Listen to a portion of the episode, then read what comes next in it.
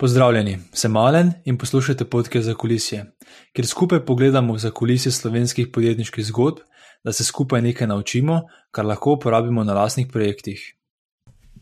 V 33. vdaji sem se pogovarjal z Jugoslavom Petkovičem, soustanoviteljem in direktorjem podjetja Flaviar, ki je v bistvu takšen ekskluziven klub za ljubitelje žganih alkoholnih pijač. Jugoslav je podjetju najprej pomagal kot mentor in investitor, na to pa se je ekipi pridružil in ga skupaj z ekipo pripeljal tudi do profitabilnosti. Omeniti moramo še Jugoslavove prvotne podjetniške podvige. Za nekoliko mlajše poslušalce je mogoče zanimivo, da je Jugo en izmed začetnikov start-up scene v Sloveniji in je ustanovitelj podjetij kot so Domenca in mimo vrste. V obeh podjetjih je svoje deleže že prodal in kasneje ustanovil lasten sklad tveganega kapitala. Tako da je tudi investitor. V podkastu smo se pogovarjali o pomembnosti tajminga v podjetništvu, kako najti ravnotežje med produktno in tržno usmerjenostjo. Kot boste slišali v podkastu, je Jugo opazil, da veliko slovenskih podjetnikov se dostraja, ukvarja in fokusira na produkt, namesto na uh, prodajo in na trg. Uh, in seveda razloži, kaj se njemu zdi bolj smiselno. Pokvarjala pa smo se tudi o tem, zakaj in kako se splača v bistvu fokusirati na težke poslovne ideje. To je to v vodu, sedaj pa želim prijetno poslušanje. Pozdravljen, Jugoslav, uh, najlepša hvala, da si, si vzel čas. Um, ej, dajmo pričeti, kot veš, tam, ko vedno pričnemo. Uh, kje se začne tvoja podjetniška zgodba oziroma ambicija? Živijo, hvala za vabilo. Um, Ja, to vprašanje sem pričakoval, um, ker sem poslušal druge podcaste in vem, da vedno začnemo tukaj in sem prav mal, sem še ekstra globok um, oh, okopal. in v bistvu, ja, ta prvi računalnik um, sem jaz dobil v prvem uh, letniku gimnazije. Uh, in takrat sem se spomnil, da ta prvi dan, ali pa ta drugi dan gimnazije, so mi sošolci prinesli pol na, na disketi so mi prinesli mir, češka, to vidiš, to se bomo zdaj bomo klepetali po šoli. Um, oh, in, je znano, ja. ja. Tako da to je, bil, to, je bil moj prvi, to je bil moj prvi stik dejansko z, z, z računalniki. In kar je bilo pa zanimivo, je pa, da sem jim jaz tri tedne kasneje prinesel nazaj disketo z mirc skriptami programiranimi za, um, za, za, za ki so bili neki extensioni mirce, pa si lahko neke bote programiral, pa neke ja. mini programčke, kot nek tak scripting language je bil. Um, tako da to, bilo, to, to so bili moji čisto prvi stiki z računalniki, um, ampak ni bilo pa še nobenega podjetništva tukaj. Pa, ampak sem pa, sem pa potem zelo, zelo mal začel mal spremljati, kaj se dogaja pač po svetu. Um, začel sem se učiti um, HTML, programiranje, kodiranje in tako naprej. In, um, in sem ta prvi projekt naredil nekje, bi rekel, kaj drugi letnik gimnazije, verjetno je bil, takrat sem full kopiral.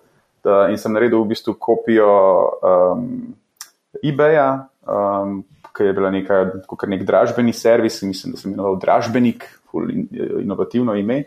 Um, in še bolj inovativno ime je bilo potem, ko sem naredil kopijo GeoCitiesov. Ne vem, če se sploh še kdo spomne GeoCitiesov, ampak to je bil nek tak free hosting uh, software oziroma program, ki ga je potem Yahoo kupil.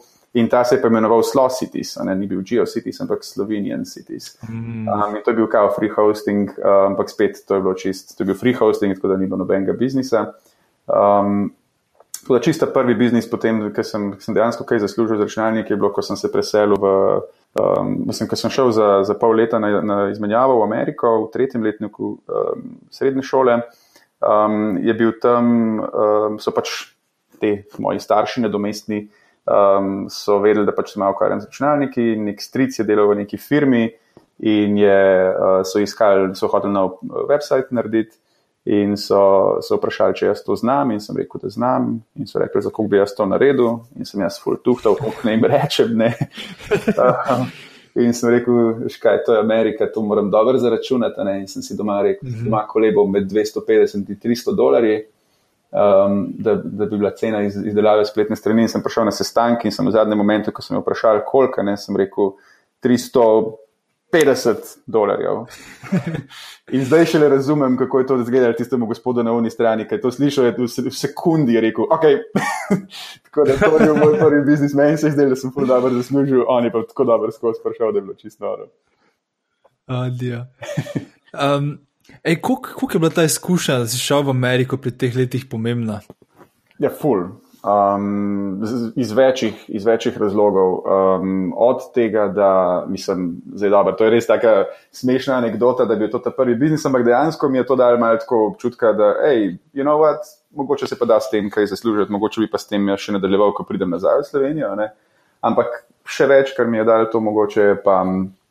Um, nek drugačen. Jaz sem bil v Louisiani, to je pač jug Amerike, to je bilo pred 9-11, pred vsem tem nekim uh, neko to bojaznijo pred tujci, ki se je pol zgodila. Ne?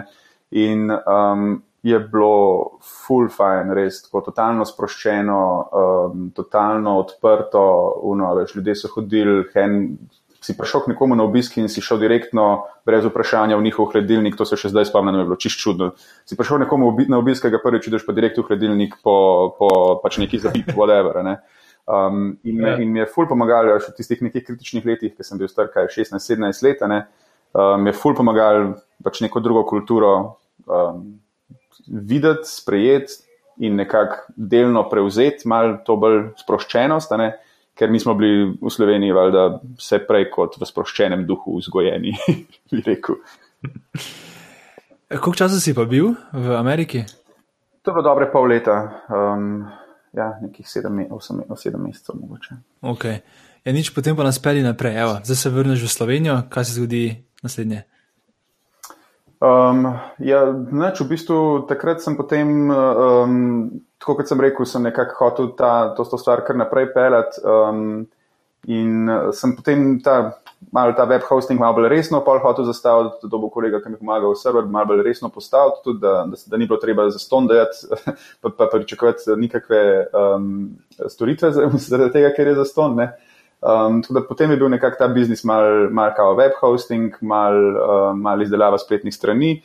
Um, potem sem nekako, ne vem, jaz sem decembra, imam rojsten dan, januarja, ne vem, katerega sem pa odprl firmo, potem, ko sem dopolnil 18 let, tako da praktično en teden zatem, um, mm. ko sem lahko, sem, imel, sem si odprl ta prvi SP, ki se mu je zelo inovativno rekel JP Design.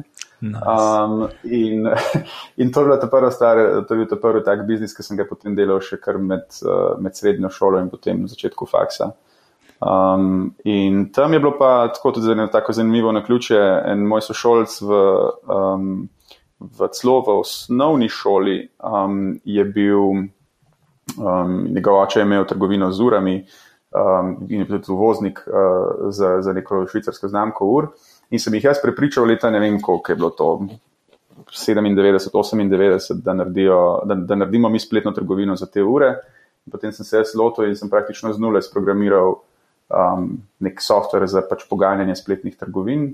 In ta projekt smo zaštartali, je valjda, ne vem, če so prodali v treh letih eno uro, verjetno niti ene, ne, za res. um, ampak je bilo pa to nekako osnova, iz česar sem jaz potem začel graditi naprej um, ta softver in smo ga potem, ko, uh, tudi potem, ko smo se še s parimi drugi kolegi, ki so pa tudi uh, originalno z jesenic, tako kot jaz, so pa paralelno štartali um, domenco, ki je bila pa fokusirana na registracijo domen in pa tudi web hosting. Um, tudi, ker smo potem združili ta dva biznisa, mojega in, in njihovega, v eno, smo potem, sem jaz nekako naprej delal na tem, da tem rečemo e-commerce uh, delu in smo ga šli prodajati velikim slovenskim trgovcem, ne tipa Mercator, Merkur, da bi oni leta 2000 uh, nekje, a ne da bi ustanovili, da bi odprli spletno trgovino pa nekako to ni šlo skozi. Takrat je bila spletna trgovina edina na svetu Amazon, ki je zgubljala 500 milijonov letno, mm. tako da ni bilo nekega blaznega interesa za to. Um, mi smo bili seveda prepričani, da, da nočijo tega kupiti, zato ker smo mi neizkušeni 18-letniki. Ne? Um, in smo rekli, da ima pa pol narediti eno svojo spletno trgovino um, na tem softveru, da pokažemo sam, kakšni featuri so vse možni, sam, da, da bomo lažje prodajali potem ta softver naprej. In tako je nastal, če zares uh, uh, je nastala ideja in potem izvedba za mimo vrste. Tako da v bistvu mimo vrste je bila na začetku kot trgovina mišljena samo kot demo trgovina za ta naš software, za e-commerce, um, ki je bil kot nek tak Shopify, bi temu danes rekel. Mhm. Um, in, um, in ja, in potem je mimo vrste dobil čist um, svoj life od tam naprej, čisto presenečenje. Um, čez pol leta smo mogli ga spin-offati stran od domence, ker je bilo, ker je bilo pač rast, kar avtomatsko se je zgodila. Um, in, in pol smo šli tam naprej. Čakaj, za začetek, prednji gremo naprej. Mislim, da je ena stvar še pomembna, da ne, za mogoče mlajše poslušalce samo rišemo, kdaj se je to dogajalo. Mogoče samo riši, kakšen je krat bil landscape oziroma prostor, kar se tiče IT podjetij in IT na splošno uh, stanja v Sloveniji? Ja, dober point. Um, se pravi, to se dogaja, se pravi, nekje med kaj. Um, 99 smo zdaj, um, pa tam, se pravi, 99 je, um, sem jaz odprl ta svoj uh, famozni SP prvi, um, 2002 je bil pa, je bil pa launch uh, mimo vrste, se pravi, to je, to je neko to obdobje. Um, landscape je bil, da, da pač trgovci, ta glavni so bili tudi takrat um, Merkator, um, pa potem Merkur v, v tehniki bolj.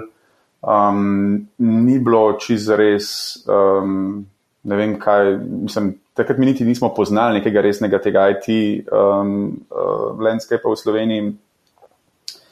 Sprašujem se zdaj, če je takrat um, NAA kot spletna trgovina že obstajala. Verjetno je lih nekje takrat nastala, ker to NAA je pa kot naš glavni konkurent v tistem času, potem ko mimo vrste rastu, um, je itek nastala iz, iz firme, ki je obstajala že prej in, in je prodajala hardware in software. Um, in so potem naredili še spletno trgovino, ne za razliko od nas, ki smo štartali pa čisto iz enega tretjega konca in smo prek softvera prišli, da, bi, da smo postali spletni trgovci. Tako da, um, in ja, kot rečeno, širši landscape je pa bil, da pač obstajal, kar, če si slišal e-commerce, edino, kar je obstajalo na svetu, je bil eBay, ki je bil tudi v Sloveniji takrat, um, ni, bil, ni imel jih nekega blazno dobrega renomeja, ne češ kao tam prodajaš neke, neko rabljeno robo. Ne. Um, in pa Amazon, ne, ki je nastal kdaj leta 96. Ampak je takrat bil definitivno v tisti fazi, ko so pač ogromnega denarja zgubljali in um, ja, ni bilo, ni bilo lih um, nekako pozitivno okolje za razmišljati o e-commerceu. No? Ja, dosti je bilo skeptičnosti. Ja, na, ful, ful. na splošno. Kdo bo, denar, kdo bo dal denar prek ja. interneta? Ja, ja, to, to, ja. Uh, no, ampak veš, kaj me zdaj popelje v en trenutek. In sicer kot 18-19-letni fant, kak si se sploh pripravil, kak si dobil sestanek z podjetji kot so Merkator in Merkur, ker to se ti je moglo pri tistih letih zdeti pač razumeš, wow. Ja, zdaj se, zdaj v bistvu se sprašujem, če smo sploh dobili sestanek. Če, če, eh, če ni bil že to ta prvi, ta prvi level zavrnitve. Čeprav v glavi mislim, da imam, da smo, mislim, da smo, da smo um, vsaj. Ja, zdaj, zdaj nočem, nočem kakšne zgodovine um, si izmišljati, uh, pa, pa, pa potvarjati kakšnih dejstev, no, ampak mislim, da so, da so bili neki te. Uh, Merkur, Big Bang, mogoče tudi Merkato, da so bili tako mogoče naše stranke na, na domenci zaradi domen in tega. Mm -hmm. In da je bil to v bistvu in, ker mi smo bili pa edini, ki smo takrat um, v Sloveniji. Če si hotel kupiti kot firma domeno v Sloveniji in dobiti za to račun, smo bili mi edini, ki smo, smo to omogočili v tistem času. In takrat pač vse resne firme so bile naše stranke, um, vsaj za domene, če ne tudi um, potem za, kasneje, uh, za hosting. Mm -hmm. Tako da to je bilo verjeten uh, in čisto res je to en tak zanimiv moment, ki se je dogajal, tak uh, simbiotičen moment, ki se je dogajal tudi potem, kasneje, uh, skozi zgodovino teh, uh, teh naših firmic, um, da je vedno ena firma drugi mal pomagala. Ne? Se pravi, na začetku, uh, tudi mimo vrste, ko smo launčali, um, ga nismo launčali kot mimo vrste.com, čeprav domeno smo imeli, smo ga launčali kot, uh, kot mimo vrste.domenca.com. Um, da smo v bistvu ta tudi nek brand uh, recognition iz domence mal prenesli na mimo vrste, pa tako, pa da, mal, da smo mal lahko uh, naše stranke iz domence uh, tja poslali in tako. In šele kasneje, potem, mislim, zelo malo, ampak kasneje smo pa naredili to migracijo na, na proper, na, na domeno, um, na domeno mimo vrste.com recimo. Da, in kasneje potem tudi um, mimo vrste v celoti živel prvih nekaj let od uh, prihodkov in, in dobičkov iz domence. Um, uh -huh. Potem se je pa to nekaj v nekem trenutku obrnilo, ne? je pa mimo vrste začel malo rasti um, in, in je domenca rabila in je domenca. Bila je, je bila pa vedno izvajalec razvoja za mimo vrste. In vedno več, ko je mimo vrste rabu razvoja, vedno manj domence lahko na trgu delala razvoja, če za res. Uh, in je bilo treba spet nekako to zbalansirati, da, da, da gre obema firmama um, dobro. Tako da to je en tak zanimiv moment, ki se je že čist na začetku uh, začel, da, zdaj, da smo lahko firmi med sabo tako uporabljali, da ste si vedno pomagali kot, kot stranka pomembna ali pa kot mhm. partner mm. pomemben. E, če pogledaš tako na splošno, zdaj na zdaj. Um, Tako je v bistvu dokaj nedožno vprašanje, ampak ker ne vem, sploh kaj sledi. Torej, če pogledaš to zdaj, no, torej, te dve zgodbi, zakaj misliš, da ste bili uspešni? Mislim, definitivno kot prvo um, je timing imel veliko, veliko vlogo. Um, kot rečeno, prej, pri domenci je bilo to, da, so, da smo bili prvi na trgu, ki smo prodajali domene, je bilo, um, je bilo sigurno močen faktor. Eden redkih, ki smo imeli web hosting, sploh na nekem malo resnejšem nivoju um, narejen, je tudi absolutno pomagal. Za e-commerce tudi nismo bili čisto prvi e-commerce v državi, ampak um, ta prvi, ki smo se ga lotili čist resno, po, da smo v bistvu nismo tekmovali z nobenim lokalno, ampak smo, smo od prvega dne smo tekmovali z Amazonom. Mi smo hoteli prepričati slovence, ki kupujejo danes na Amazonu, da naj kupijo v Sloveniji. Ja. In um, to je siguren, um, to je, mislim, I guess, da so to te najbolj pomembni um, aspekti tega um, in, in želim acknowledge, da, da ogromno ima sreča in timing pri teh zadevah. Um, kar se tiče pa naših nekih lastnosti, pa kaj smo pa mi prav naredili, um, je pa absolutno um, ta neka, mislim, vsi smo bili ful mladi in smo, in smo kar delali neke resne biznise in vsem se nam je ful šlo narediti biznise. Ne? Tako da ta mhm. nek drive in neka, neka motivacija je bila v bistvu po mojem zelo, zelo redko, že v tistih časih, pa še, pa še danes. Um, je to kar redka um, lastnost.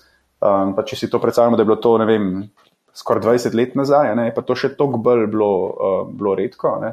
Um, in pa, pa, pa par takih pametnih odločitev, guess, ki, so, ki, so, um, ki so se obrestovali na dolgi rok. Ne. Eh, je prispeval k temu, da, da, da so te zgodbe na koncu bile uspešne. Se pravi, mi smo začeli z eno firmo, um, končali s tremi, ne, na koncu smo imeli razdeljene, uh, razdeljeno celo dejavnost na tri firme, se pravi Domenca kot uh, um, Domain Registration in Web Hosting, um, potem D-Labs kot uh, development firma in pa mimo vrste kot, uh, kot e-commerce firma. In vse tri so bile dejansko in so še vedno um, uspešne, uspešne firme, uspešni biznisi. Um, in ja, ne morem, ne morem vsega prevzeti na nas, valjda smo naredili full stvari prav, ampak uh, timing uh, je bil pa tudi ta prav. Danes, če bi hotel isto stvar začeti, bi bilo full, full, full težje. Mm -hmm. Pa dajmo se o teh dveh stvarih pogovoriti. Upam sem, da boš omenil timing, ker tudi sam vedno bolj dojemam, kak je pomemben. Uh, druga stvar je pa ekipa, kot si rekel. Teda dajmo zdaj oboje, mogoče malo razdeliti. Pa začnimo z ekipo. Kaj vas je naredilo tako uspešne in Ja, um, če za res,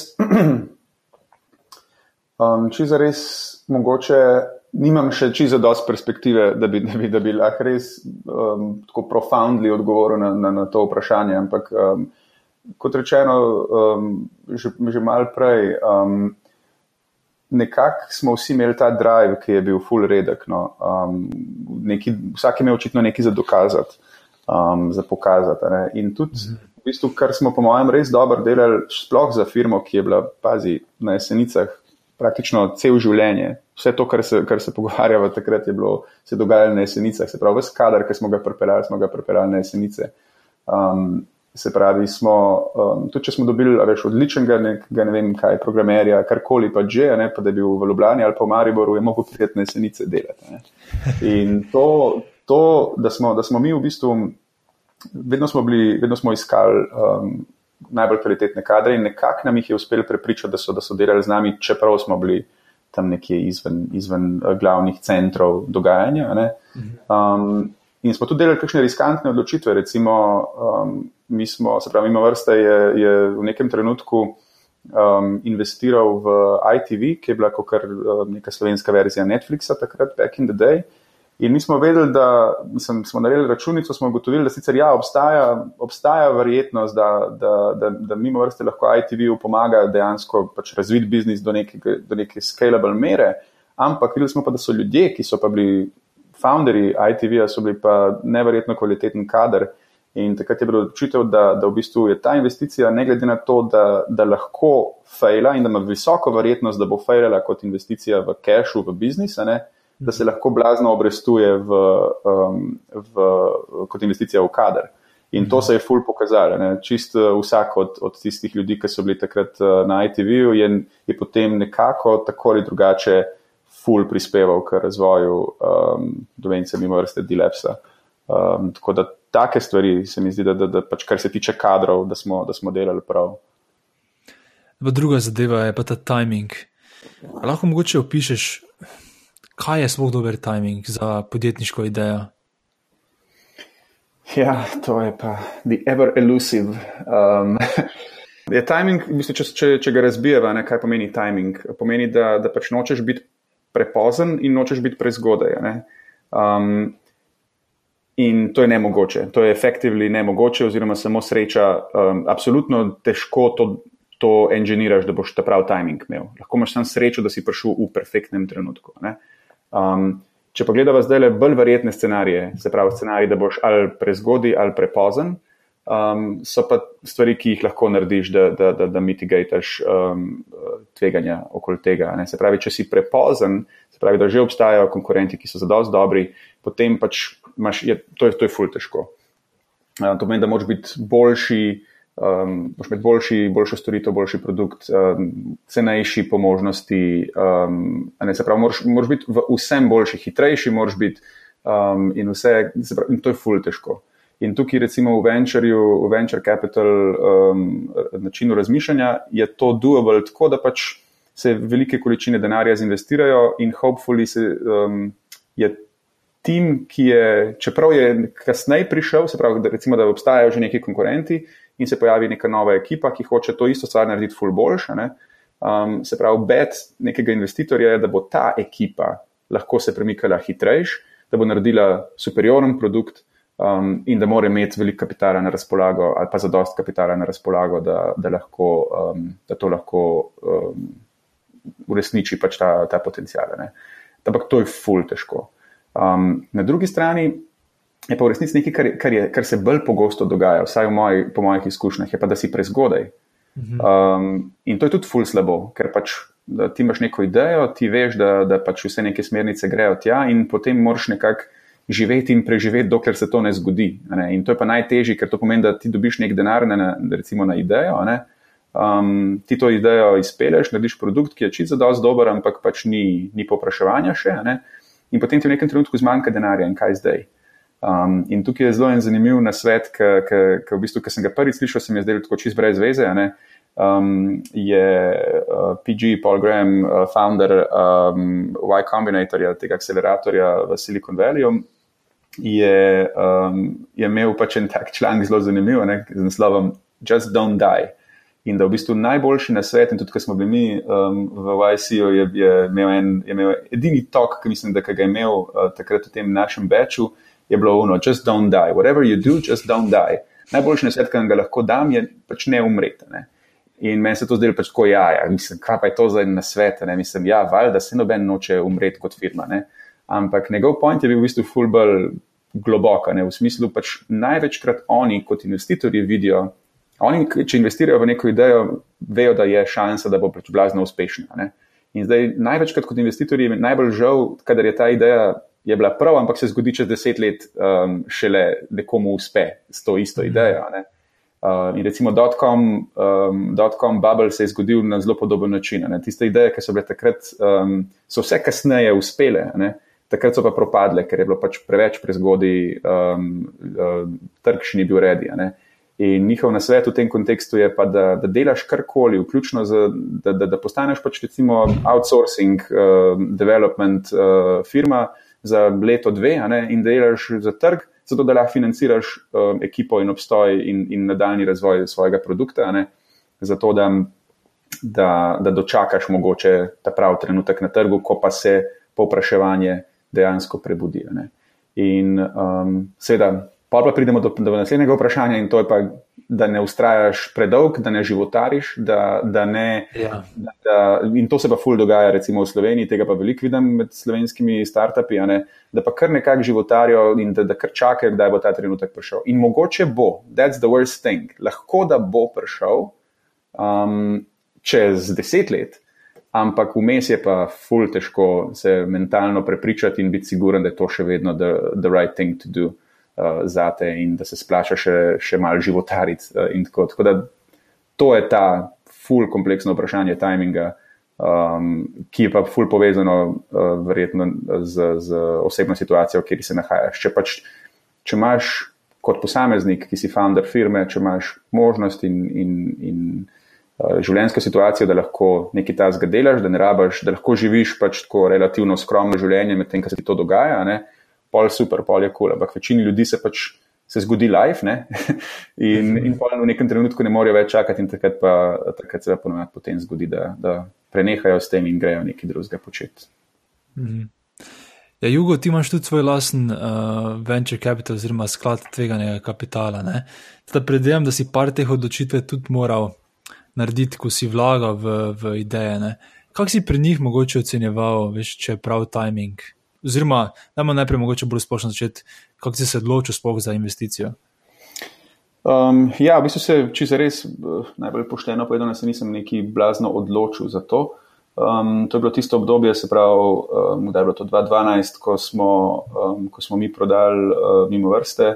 Um, jaz sem bil že itek mečkan na, na medvrati uh, glede um, izstopa iz firme čisto na operativni ravni, ker to je bilo vendarle kar neki, ne vem, kaj je bilo to, se pravi, 13-14 let, ker sem, um, sem delal praktično eno in isto stvar vsak dan, 12 ur na dan. Um, in, in vedel sem, da, da, da hočem biti mečkan, da si hočem vzeti malo mal časa zase, ampak absolutno pa nisem želel iti nekam sedeti pod neko palmo in, in um, nič delati, ne? ker sem vedel, da pač. Da, da to ni zadnja stvar v življenju, ki jo bom naredil, in da nočem past preveč ven. To je, kot reš, težko greš nazaj v šolo po 15 letih. Um, in nisem mm. hotel si vzeti preveč pauze, ker pa bo, bi bilo težko iti nazaj v, v, v biznis. Um, tako da, kako sem to, tak, to situacijo rešil, da sem rekel, ok, kul, cool, jaz sicer ne bom delal nič, nič svojega, um, želim pa po eni strani to pridobljeno znanje um, prenašati na, na druge um, founderje um, ali pa na druge podjetnike, ki, ki pač jim lahko kaj pomagam. Um, po drugi strani pa to tudi meni pomaga, ker, mi, ker pač po, po 12 plus letih um, razmišljanja o eni in isti stvari vsak dan, ne, uh, bi mi bilo super slišati, kaj ljudje drugega počnejo v življenju, o čem oni razmišljajo, um, in, um, in malo odpreti, veš, malo širine dobiti uh, za te stvari.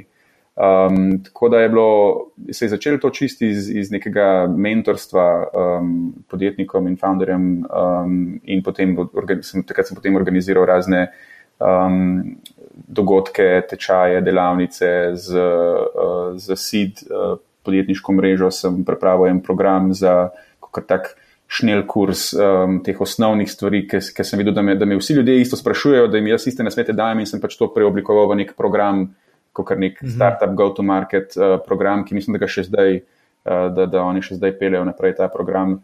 Um, in, in skozi to se ti pa valjda inevitabli zgodi, da se ti pa pač neki ljudje všeč, neke ideje všeč, ne? in um, ker sem pač njih bil v tem, da, da smo pa dobili nekaj kapitala iz prodaje firme, um, sem pa začel mečken.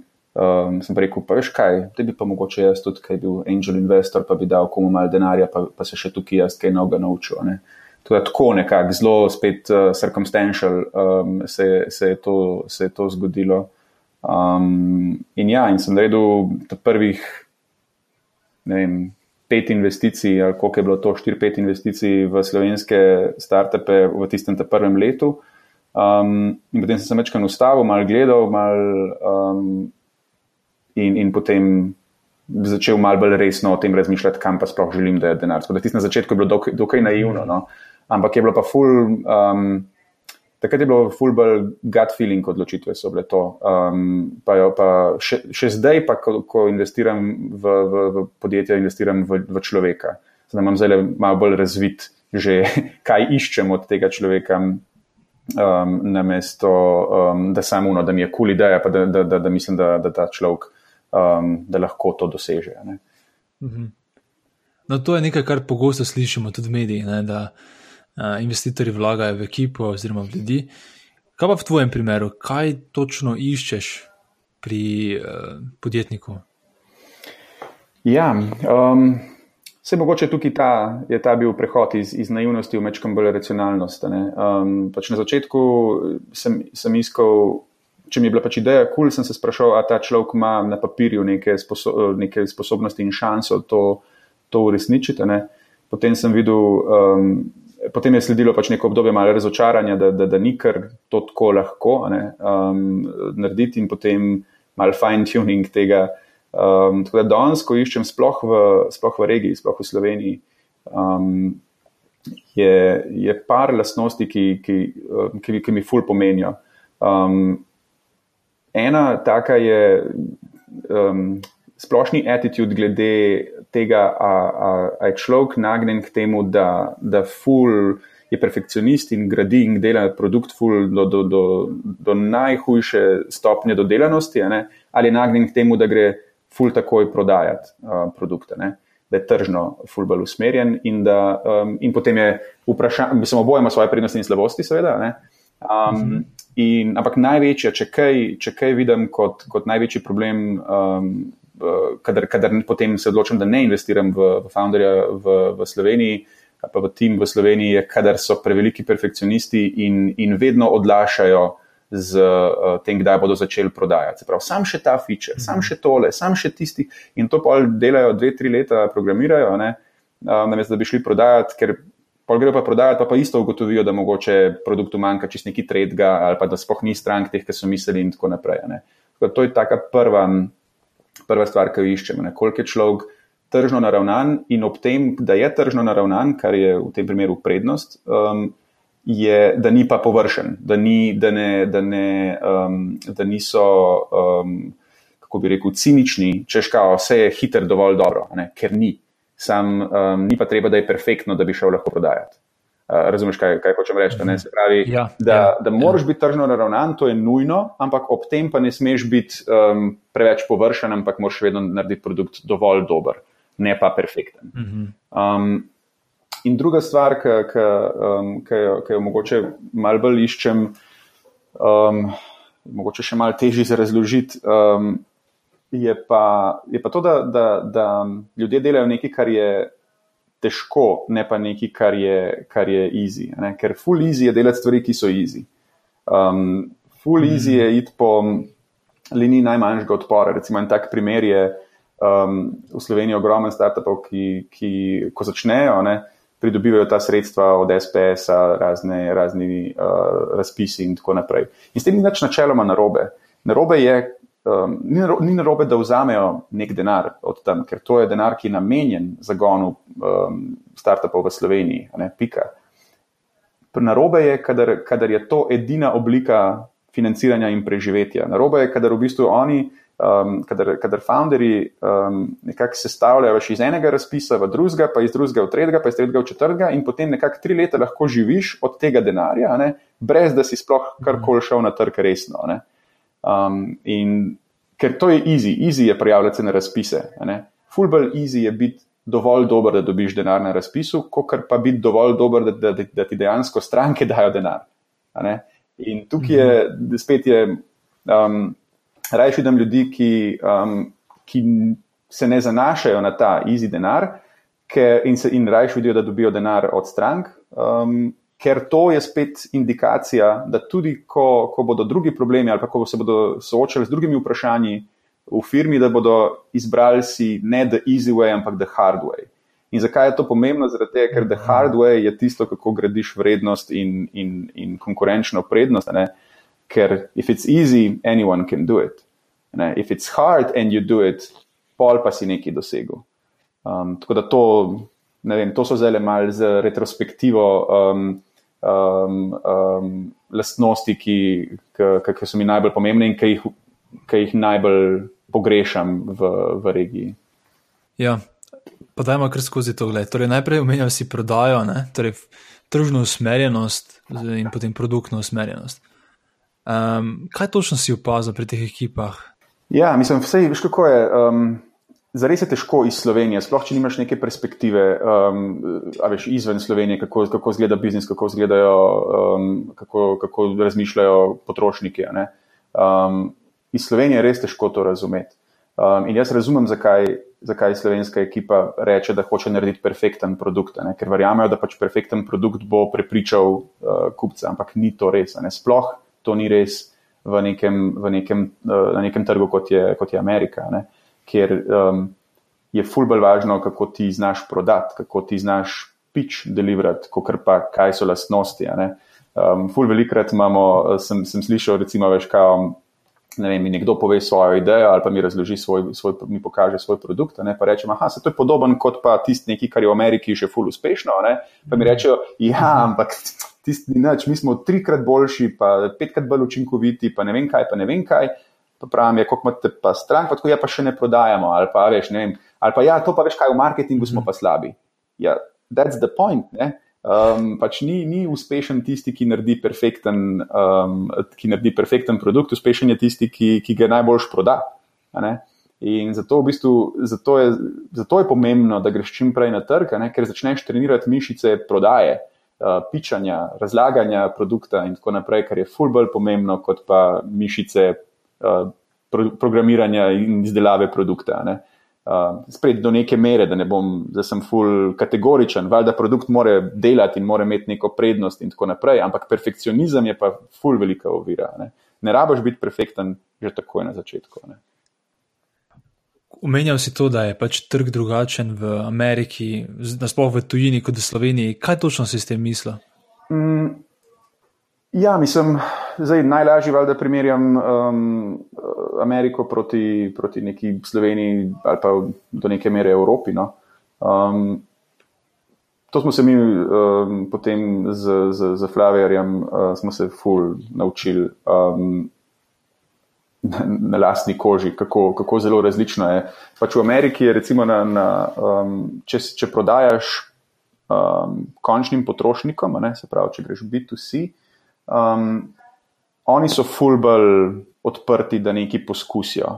Ne? Um, fulbol je važno, um, da, da je pač neka ideja zanimiva, nova, da je nek promis zanimiv in so, in so pripravljeni dati šanso nekim novim produktom. Um, so pa zelo, um, so pa na drugi strani zelo, uh, zelo binarni. Um, se pravi, recimo, neki ratings and reviews, ki jih mi vidimo, ki prihajajo iz Amerike, ne, so več ali manj ali enke ali pa desetke in nič umesane. Medtem ko veš, smo imeli pa primere, ki so nam pa kakšni, so pa kakšni Nemci pisali revije kakšnih uh, produktov, ne, pa so napisali, da sicer težko se odloča, je šest ali sedem, ampak če bi lahko dal šest, pa pol bi dal šest, pa pol. Uh, veš, pri američani pa uno, ali je super ali pa čez brez veze. Um, in, to, in, in, tak, in to, že sam ta dva, pa to, to so zelo, tako, zelo površinska insajta v, um, v, um, v konsumerja v Ameriki, ne? ampak že sam ta dva insajta ti lahko ful, ful, ful vplivata na to, kako ti, kakšen produkt narediš, kako ga prodajaš, kako ga pičaš. Ker um, če človek um, A veš, eh, če hiter proba, ne, potem, ne, potem ga ne rabaš prepričevati za full detajli. In mi smo imeli recimo landing page naš, ki je bil v Evropi uspešen, je bil v Ameriki popolnoma neuspešen, ker je razlagal full neke detajle produkta, pa veš, pa nek tok mililitrov dobiš, pa tak price performance, pa to pa um, pa tret. Nimajo, nimajo potrpljenja tega prebrati sploh. Ne. Ampak, če mi rečeš, da je tole bo the best experience you've ever had, uh, pa neki neki, ne, zdaj malo pretiravam namenoma um, bodo pa ful lažje zagrabili, ker pač verjamejo v tej neki obljubi in bodo probali. Ampak potem, ko, ko, ko poskusijo, um, je pa zelo važno, da, da pač jih na nek način dobiš v ta kamp, kar rečejo desetka. In potem so pa ful lahko lojal. Drugače so pa ful promiskuitetni, drugače pa pač poskusijo in če ni ok, zamenjajo, grejo nekaj drugega probati in tako naprej. Tudi rabaš pol. Inženirati produkt, da ima nek wow faktor takoj na začetku, um, ob ta prvi interakciji, ker tam se, tam, se, tam se naredi razlika. Ali bo desetka, ali bo enka. Če bo enka, bo skenslov in si, in si pečen, je konc, ni več. Um, če pa je desetka, je pa lahko lah s tabo še fuldolg časa. To je biti vsi. Na zelo banalni, na zelo ja. banalni ravni. No, tako, res poenostavljam, valjda je tukaj le še ful več, če gremo na konkretne uh, primere. Um, pa lahko mogoče kakšen konkreten primer daš, uh, v smislu tega, ne vem, kako ste testirali te zadeve. Kako ste ugotovili sploh to, kar zdaj govoriš? Ja, malo je bilo, mislim. Um, Valjda smo delali teste, pa smo delali split teste, pa primerjali številke, pa tako naprej. Da smo sploh šli probat to, je, je bilo pa ključno um, prisotnost na trgu. Uh, se pravi, um, zdaj s Flavijarjem um, smo um, od kaj, 2014 naprej praktično 100% fokusirani na ameriški trg. Um, čeprav je Flavijar launchen 2012 v Evropi, ne, se pravi od 2014 naprej je pa praktično 100% v Ameriki. Um, in uh, fizična prisotnost v Ameriki je pač ogromno odigrala, uh, ogromno vlogo tukaj odigrala. Uh, recimo ključen preboj v, v um, da smo ugotovili poslovni model, um, ki dela za Ameriko, za Flavijar, je bilo, da smo, da smo v nekem trenutku za tri mesece pripeljali uh, iz Slovenije v Ameriko živeti uh, produktno ekipo, se pravi, produkt marketing, pa design ljudi. So, so, so tri mesece živeli v Ameriki in so, um, a veš, so, so um, hodili tam v trgovino, tam so, tam so naročali. Uh, tam so gledali Netflix, tam so naročali Instacart, tam so um, hodili v bare, v trgovine, v, na, na predavanja, na piče in tako naprej. Skratka, doživeli so pač, kako njihov potrošnik, njihov, njihov kupec ciljni, ne? kako razmišlja, kako se obnaša, je, veš, da, da vidijo sploh, kako drugi uspešni prodajajo svoj produkt. Ne? Da smo v bistvu nekako dojeli, da je šit, mogoče pa mi imamo čist napačen pič, mogoče pa mi preveč detaljno razlagamo, da je to poenostaviti um, in, in, in prodajati nekaj drugega. Mogoče. V našem primeru je bilo to, da imamo shiftati iz neke racionalne razlage, zakaj je Flavijar dober produkt, v, v bolj aspirational razlago, zakaj je Flavijar dober produkt. Ne? ne kaj ti daje, pa koliko prihraniš, pa koliko je, koliko je to mililitrov, ampak. Kam te bomo mi pripeljali čez leto, dve, tri, pet, kakšen poznavalec um, uh, žganic boš ti postal s pomočjo Flavijarja in tako naprej. Um, to je bil en tak zelo um, tako močen insight in, in način, kako smo, kako smo se sploh spomnili, da bi to, da bi to poskusili. Pravi, ja. Metoda je bil split test, ampak kaj prestiraš, je, je skoraj bolj pomembno. Ful zanimivo. Torej, prav del ekipe ste skoraj da preselili v Ameriko, da začuti empatijo za svojega končnega uporabnika. Ja, ja. in to je bilo v bistvu, to je bil full velik gamble z naše strani. Um, to je bilo. Um, tik potem, ko smo skoraj bankrotirali, um, pa smo uspeli dobiti dodatno investicijo, in s tisto dodatno investicijo smo praktično skoraj 30% od tega denarja, um, ki, smo ga, ki smo ga takrat pridobili, smo investirali v ta projekt, da je šlo, ne vem, koliko je bilo to, 10 ljudi. Um, za tri mesece in to je full drago. Mislim, sam, ja. sam za najemnino stanovanja smo dali 20 ur v treh mesecih, um, ja. pa pa še vse ostalo, kar zraven pride. Um, in, uh, uh, in ja, in je bil full gamble, ampak se je totalno obrestoval, ker iz tistega ven se je rodil v bistvu produkt, ki zdaj le že dve leti full dobro uh, delivera mm. za nas in, in, ga, in ga sam še nadgrajujemo in je vedno, vedno boljš uh, deluje za podjetjem. E, zdaj se že par minut pogovarjamo o Flaverju. Daj mogoče na kratko. Malce preskočile. No, ne, le na kratko razloži za poslušalce, um, kaj sploh delate.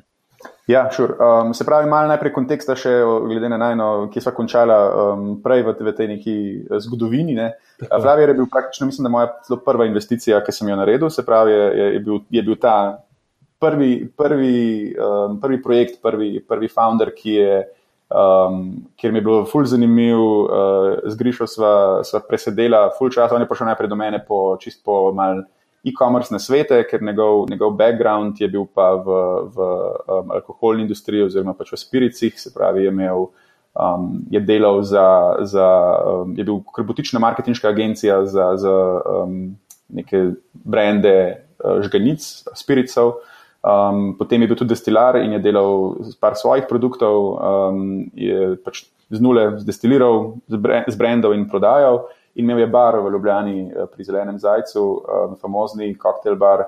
Um, -hmm. in, in je imel pač full unique um, insight v, v to industrijo, in je vedel, da pač ta industrija je, ima neke probleme in je želel jih rešiti s pomočjo interneta, in je imel neke ideje, kako bi to delali, in je potem se s njim malo začela pogovarjati, um, če dobi moj nasvet. In tako se je recimo zgodila, ta, se je zgodil moj preskok iz, iz enega mentorja v, v angel investorja ker je bilo tako, wow, hudo, ta produkt mora obstajati, kaj je ta produkt, ki so ga zdaj skupaj um, dorekli, ne ta produkt mora obstajati, kaj če bi jaz to um, financiral, da se to dejansko zgodi. Uh, mhm. In Flavier je štartal takrat kot uh, v bistvu neke vrste subscription box um, za ljudi, ki hočejo odkrivati nove, nove spirice, nove žganice. Se pravi, da v bistvu ti, če nisi še v življenju probal škotskega viskija, uh, si, uh, se, si se pri nas subscribal in si dobil um, si dobil vsak mesec eno, um, eno tako škatlico, v kateri so bili trije različni vzorci um, treh različnih viskijev, ki se pravi, če bi to škotski viski, so bili trije škotski viski, ampak vsak v različnem stilu, um, da so bili čim bolj različni med sabo, da si dobil malo perspektivo, kaj obstaja. In pa si pač to poskusil z idejo, da, da, da, greš, da to poskusiš side by side. Um, in da dobiš, uh, in da, da, da če le ko probaš tri viskije side by side, dejansko okusiš razliko med njimi. Če jih probaš danes enega, pa, pa jutrišnjem enega, pa čez en teden enega, ne, ne, ne, se ne spomniš neke blazne razlike. Ne? Uh, mhm. Sploh, če nisi nek konosor, pa če nisi nek sofisticiran poznavalec. Ne? Um, ampak če pa side by side, je pa čisto vsak od nas ima jezik, ima brbončice, okuša in čuti razliko. Ne? In to je bila ideja, kako v bistvu pripeljati ta, ta aha moment, tako da, oh, wow, ta, tega, ta, mi, ta mi je full dober, tam je pa full za nič, kako ga pripeljati eh, ljudem v, v dom in, in jih, in jih pripraviti do tega, da čim več poskusijo novih stvari. In začeli smo v bistvu z subscription boxom. Prav, mesečno si to dobival, in potem to je bil prvi biznis model, ki, se, um, ki je nekaj časa delal takrat v Evropi. Um, in potem smo ga parkrat vmes zamenjali, ta biznis model, um, do tega, kar sem prej razlagal, bil, kakšen je bil ta moment in kakšen je bil novi biznis model, um, je bil pa fullball full aspirational um, in gre v bistvu pa danes je uh, Flavier je v bistvu membership klub. Um, klub, kjer, te, kjer ti dajemo vse možne informacije in vse, vso možno pomoč, zato da ti lahko doma postaviš najboljši možen home bar. Se pravi, ideja je, we help you build your dream home bar. To pomeni, da mi ti dajemo um, informacije, novice, dajemo ti, um, ustvarjamo fulnega konta, intervjujev z, z brendi, um, pač kaj novega pride na trg, kaj zanimivega ljudje delajo in tako naprej. Se pravi, najprej te informiramo in izobrazimo, kaj sploh je škotski viski, kaj je razlika med škotskim in japonskim viskijem kje so rumi, kje so konjaki, se, ne, kako, je, kako je nastala zgodovina teh pijač, um, kaj so različni stili in tako naprej. Ne.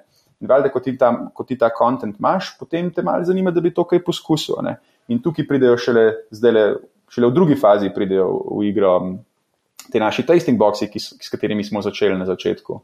Um, se pravi, zdaj so pa tasting boxi postanejo metoda, kako to neko teorijo spravaš v prakso ne? in poskusiš nekaj, dobiš, uh, dobiš uh, senzorične informacije, poleg še teoretičnih, um, in potem se odločiš, da boš kupil eno flašo um, od tega, ali pa boš še naprej raziskoval in tako naprej.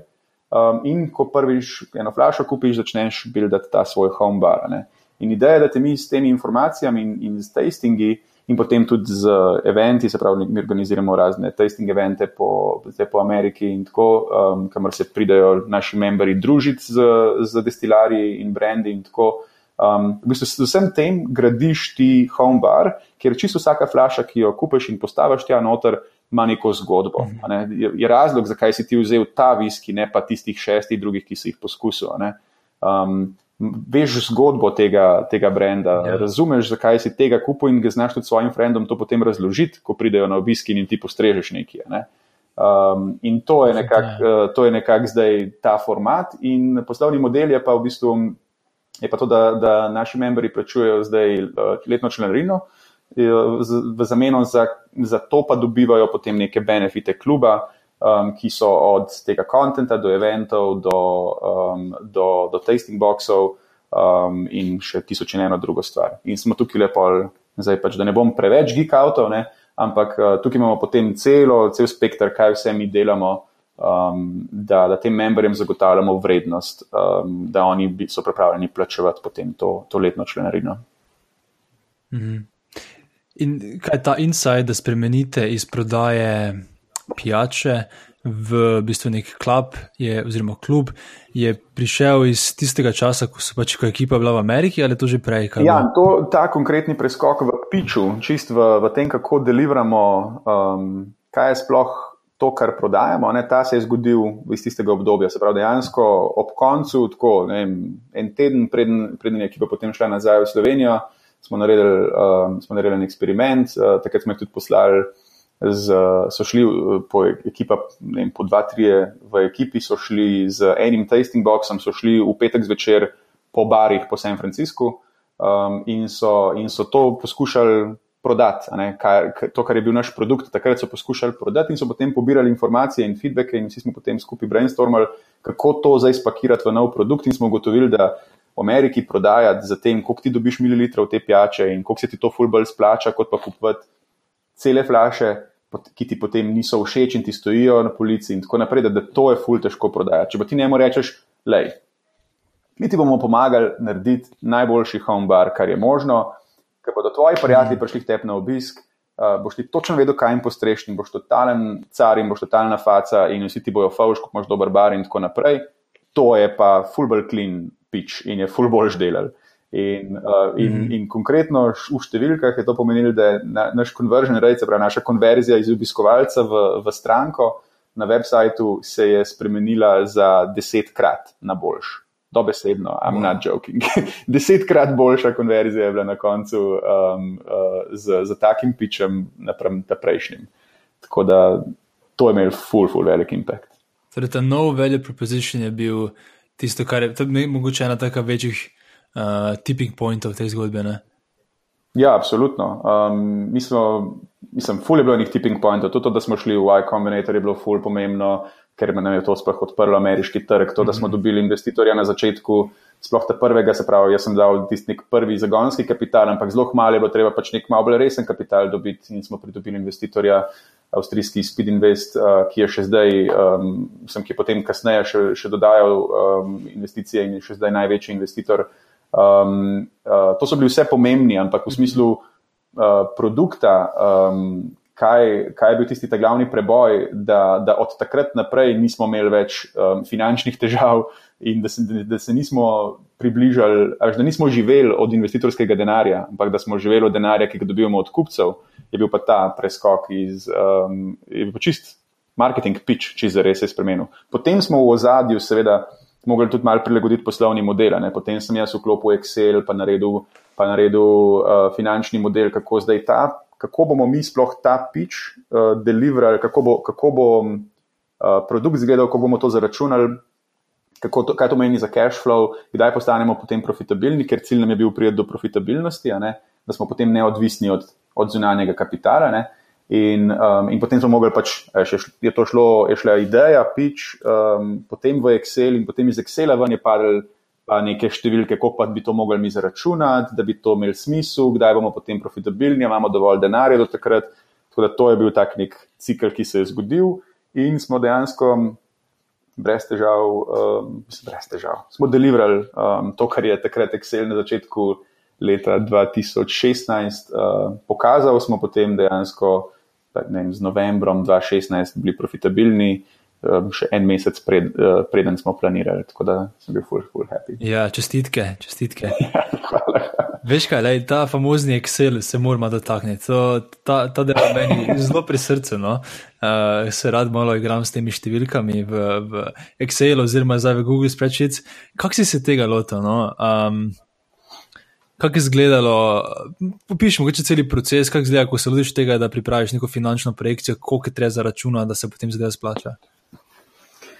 Ja, mislim, um, to, je, to je tako, to je, ne vem, kje bi. Je, ja, malo je težko opisati, zdaj brez ja, to, ja, težko, težko razložiti nekaj v neki koncizni obliki, kar, bo, kar bi bilo dejansko helpful um, nekomu, ki bo to slišal. Ampak, um, da poskusim. Se pravi, jaz nisem drugačnik finančnik, um, um, tako po, po duši in po naravi.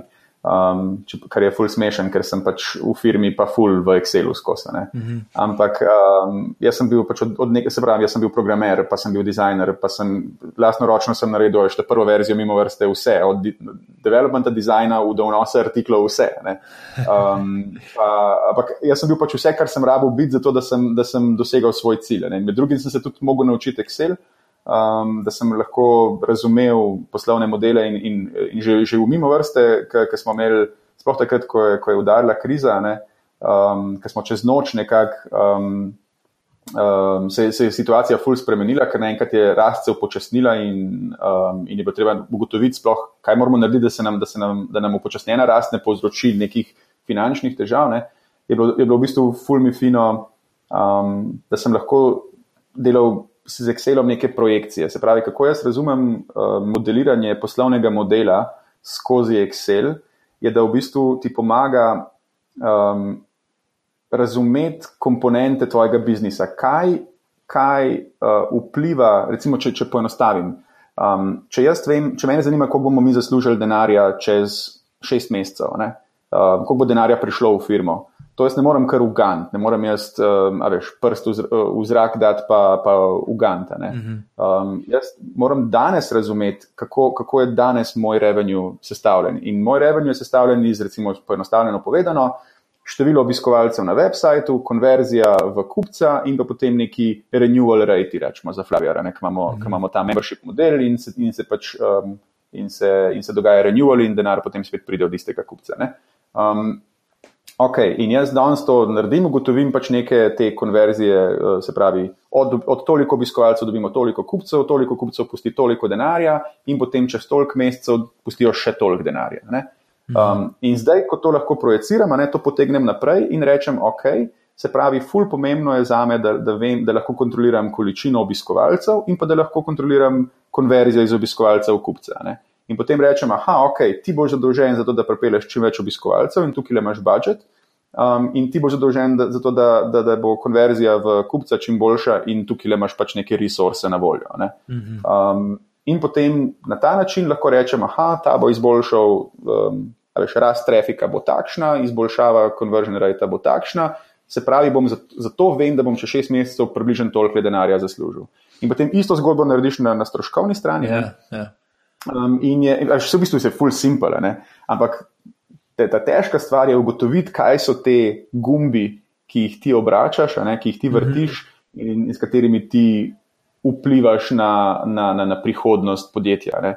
In največji insight je, je, je lih to, ne, da ugotoviš, kaj je tisto, veš, ena, dve, tri stvari, ki jih ti lahko narediš um, in ki bodo imele disproporcionalen um, efekt na podjetje. Se pravi, se jaz, jaz full modeliram, jaz, jaz praktično sem v tem Excelu vsak dan in, in testiram. Si rečem, aha, kaj če bi mi izboljšali konverzijo tukaj, kaj če bi mi zmanjšali strošek dostave za tolk, kakšen imam impact na, na, na koncu, veš, na, na dolgi rok, na, kaj ima, kakšen imam impact čez eno leto, dve, pet. Um, in rečem, umater, vidim, da če bi tole uspel mi izboljšati za, veš, za 5%, tukaj le izboljšamo, imamo na koncu 20% boljši rezultat. -hmm. In rečemo, super, to je disproporcionalen impact, da jim se posvetiti temu, da, da, da izboljšamo tole lahko za 5%. Ne. Mislim, da ti je zelo lepo uspelo to razložiti. Imam, imam še eno vprašanje. Ja, jaz sem te razumel. Um, Imáš kakšen konkreten primer teh, omenjal si to eno, dve, tri gumbe, ki so v dotičnem poslovnem modelu pač pomembni. Ne? Kaj je mogoče tak en gumb, ki si ga ugotovil pri vas in potem nek eksperiment, s katerim vam je uspelo to ful izboljšati? Ja, mislim, konkretno, ja, zelo konkretno to, kar, je to, kar sem že omenil. Ja, ta je v bistvu ja. bil tak najbolj impactful. Um, ampak potem, veš, potem je bilo spet, um, mi smo šli takrat, um, se pravi, čisto na začetku pri prehodu, ko smo zamenjali ta marketinški pič, ne, takrat še nismo zamenjali poslovnega modela. Takrat smo samo zamenjali marketinški pič in takrat smo izboljšali konverzijo v kupca za desetkrat. Ampak jaz sem takoj, ko sem to zapeljal skozi, uh, skozi Excel, sem ugotovil, da bomo imeli problem, če te kupci ne bodo ostali z nami vsaj, ne vem, štiri mesece. Ne? In, um, in da, bi, da bi zagotovili, se pravi, jaz sem rekel, ja, lej, lahko, lahko živimo z takimi številkami, če kupci ostanejo z nami vsaj štiri mesece. Ne? Ampak je bilo riskantno, ker je bil nov poslovni model, ne? ker nismo vedeli, da bodo ostali štiri mesece um, pa nov pič je bil, kaj pa če bodo razočarani na začetku in tako naprej. In sem jaz uh, naredil eno, eno varianto Excela, ki je, pa, ki, je bilo, ki je bila pa v bistvu, kaj če bi mi njim, namesto da jim zaračunavamo mesečno, da bi jim zaračunavali kvartalno. Ker s tem si zagotovimo, da bodo ostali vsaj tri mesece na začetku. Mm. Potem je ful velika verjetnost, da, bodo, da bo vsaj nek procent ljudi podaljšal še, še za tri mesece, in pol so že na šest, in je yeah. Ja. poprečje, pol, a veš, hiter si na štiri mesece poprečje. In, uh, in takrat smo potem to konkretno spet testirali, smo naredili split test, um, počakali tri mesece in videli rezultate, in smo se potem lahko odločili, da ok, to pije vodo, dajmo, in od takrat naprej smo ta model samo še, še bolj pilili. Tako da, uh, a veš, to je spet en način, kako, um, kako Excel. Um, nazaj vpliva na, na, na čist konkretno, kako produkt zgleda, veš, kakšno ceno postaviš in kako ga sploh zaračunaš. Ja, ja. Ej, pa je naročnina dovolj, da preživite, ali ste odvisni od tega, da prodate še potem tudi te pijače? Um, ne, model je zastavljen tako, da, um, da mi dejansko, ker, ker eden od benefitov kluba je tudi, da imaš zaston uh, shipping uh, za flaše. Tako da v bistvu nam, nam ta free shipping nam praktično poje um, celo maržo na sami flaši. Tako da mi smo mogli v bistvu narediti model tako, da živi tudi brez, da, da bi, v bistvu, kar se nas tiče trenutno, tudi če ljudje ne kupijo potem flaše uh, pri nas ali pa če jo ne kupijo sploh, mi lahko preživimo finančno. Ne? Je pa to hmm. slabo, če ne kupujejo tega, je pa to slabo produktno. Ne? Če nekdo skozi naš servis ne najde nobene flaše, ki bi jo želel kupiti, potem, potem nima vrednosti od kluba in bo po vsej verjetnosti uh, prekinil uh, membership. Ne? Se pravi, v bistvu finančno gledano nam to ne pomeni toliko, kot nam pomeni um, čist produktno, da ljudje razumejo, uh, če kupuje flaše, ja. potem, ko je prebral in potem, ko je testal, pomeni, da mu produkt nudi vrednost, se pravi, bo po vsej verjetnosti ostal dlje in bomo mi lahko od njega pobrali več membership fijev. To je v bistvu value, ne pa, ne pa sama prodaja in marža na, na, na flaši konkretno. Razumem, razumem. zanimivo. Uh, tak, ko sem razmišljal sam, sem razmišljal, da mogoče ravno obratno, veš, s tistim subscription dobite nek base, potem pa z pijačami imate večjo maržo. Ampak mogoče je drugačna zgodba z, za v bistvu vašo lastno blagovno znamko konjaka, ki ste jo pred kratkim izdali. Ja, ja. Kak, kakšna zgodba za tem? Ja, ful zanimivo.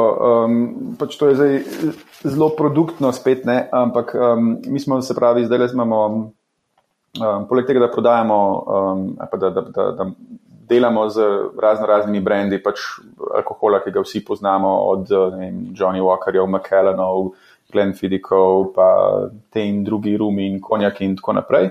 Um, bilo, um, smo začeli, koliko je bilo to, kakšni, mogoče slabi dve leti nazaj, smo začeli z našim prvim um, nekim lastnim brandom, ki se mu, rekel, ki se mu reče Dear Bear and Moose.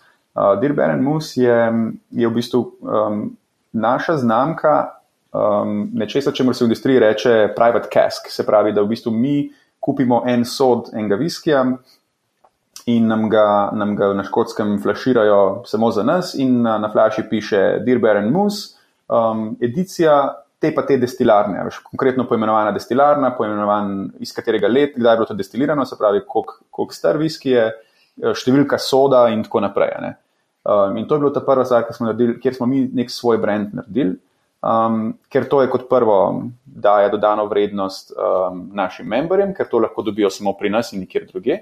Um, hkrati pa nam omogoča, da pač malo več zaslužimo uh, marže, ker pač je to, um, ker poberemo mi večji del marže, ker je to naš produkt um, v smislu našega brandinga, ne pa, ne pa od nekoga že produkt na trgu. Um, mm.